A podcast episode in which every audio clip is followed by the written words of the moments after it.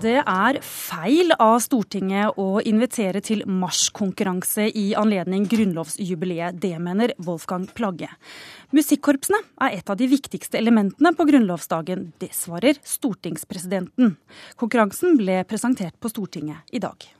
Med Østensjø janitsjar pent oppstilt i Stortingets lagtingssal, presenterte stortingspresident Dag Terje Andersen konkurransen om å komponere en marsj til grunnlovsjubileet i 2014 i dag.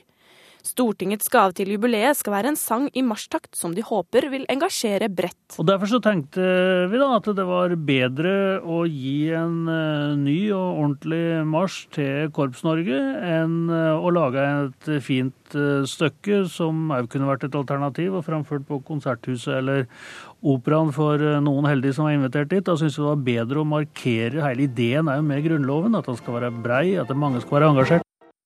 Marsj Preget er da altså noe som eh, selvfølgelig i ordet også har et krigselement i seg. Fordi Mars er jo tross alt krigsguden. Komponist Wolfgang Plagge mener at det ikke er riktig at det er en sang i marsjtakt som skal brukes på grunnlovsjubileet. Han illustrerer på et piano på Musikkhøgskolen i Oslo hvordan musikken forandrer seg når en vals blir omgjort til en marsj.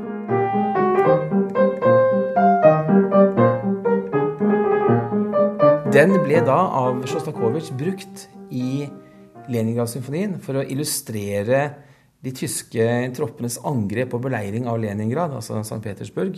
Og da ble den sånn.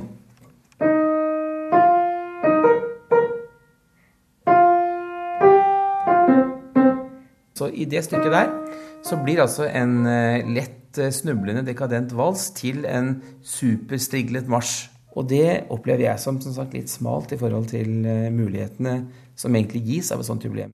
Stortingspresidenten er ikke enig i dette. Jeg kan eh, forsikre Wolfgang Plagge om at det ikke er noen nasjonalistisk tenkning som ligger bak. Det er en hyllest til dugnadsinnsatsen, til mangfoldet, til det breie folkelige engasjementet som vi har i Norge. Jeg har vanskelig for å, forstå, for å forstå hvis noen kan oppfatte det som noe annet enn uh, positiv. Jurymedlem og daglig leder av Norges Musikkorpsforbund, Holger Gulbrandsen, ser ikke noe galt i å bruke korpsmusikk. Marsjtakt er jo altså noe av det mest typiske som vi vi er kjent for i Norge på 17. mai, er alle skolekorpsene våre. Og det har vært siden 1901. Jeg ser ikke noe gærent i det, og vi har jo aldri oppført altså ikke, Vi marsjerer jo ikke sammen med militære og våpen og sånn som man gjør andre steder.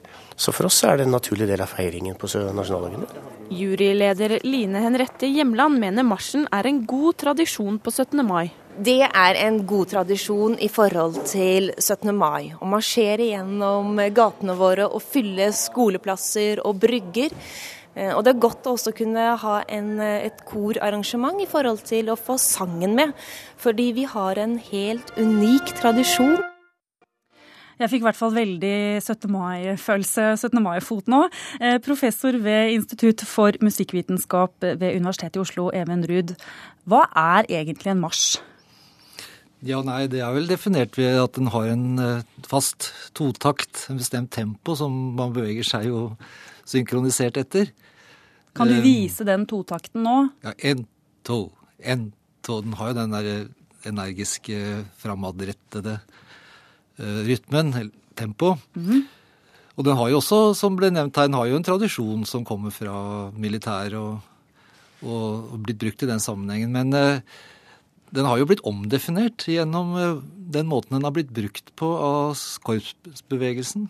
Og som gammel korpsgutt så, så, kan jeg liksom ikke kjenne meg igjen helt i det militaristiske, selv om jeg forstår godt at noen kanskje får de assosiasjonene. Ja, For hva forbinder du eh? ja, Jeg forbinder 17. mai med flagg og barn og, og tog osv. Jeg tror jeg gikk eh, vet ikke, jeg var i hvert fall en 7-8 17. mai gjennom Oslo og, og spilte trompet. Og til tenna løsna nesten. Og, til gammel jegermarsj? Ja, det var jo et veldig tradisjonelt repertoar vi hadde den gangen. Det var Kampen guttemusikk. Det var jo både litt sånn guttesjåvinistisk og det var et veldig kan vi si, litt nasjonalistisk og tradisjonelt repertoar.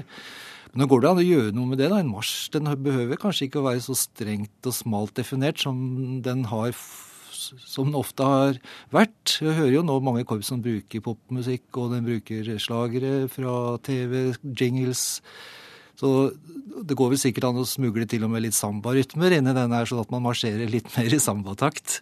Hvorfor tror du at Stortinget har valgt seg marsjen ved denne anledningen? Nei, jeg tror vel det er som stortingspresidenten sa, at man ønsker å gi en, en slags hyllest til det bredere folkelige dugnadsånden. Altså alle de som stiller opp på 17. mai, og som virkelig skaper denne flotte begivenheten. Så det er vel en hyllest til det. Og den, det er ikke noe invitasjon til finkultur eller høykultur her nå. Nå er det, nå er det de andre som skal slippe fram og prege dette jubileet. Eh, så det forstår jeg veldig godt, at det, at det, er, et, ja, det, er, et, politisk valg som man tar, og det må politikerne ha rett til å gjøre. Mm. Så når du sier at marsjen har gått fra det litt uh, militaristiske og litt rette og ordentlige til å bli egentlig en sånn allemannseie uh, marsj, så, så, så mener du at det er en god idé at et jubileum skal ha nettopp en marsj? Ja, altså jeg, jeg, mener det må være en rett som politikerne har til å, til å definere akkurat slags, eh, hvordan de vil feire denne dagen. Men jeg mener vel også at det er en utfordring til musikklivet og til komponister og de som da ønsker å være med i denne konkurransen, til å kanskje gi denne marsjen et litt annet innhold. Kanskje gjøre den litt annerledes, eh, både rytmisk og instrumentelt. Eh, farge den og legge den kanskje mer opp til vår tid.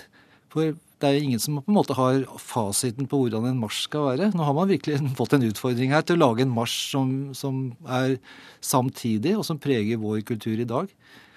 Det kan jo bli spennende å se hva de velger til syvende og sist. Vi får eh, oppfordre alle som har en god totaktsfølelse i eh, foten der ute til å hive seg på konkurransen og, og, rett og slett sende den inn. Og kanskje det er akkurat deg, kjære lytter, som faktisk eh, får muligheten til å ha selveste marsjen til jubileet. Takk for at du kom i studio, Even Ruud.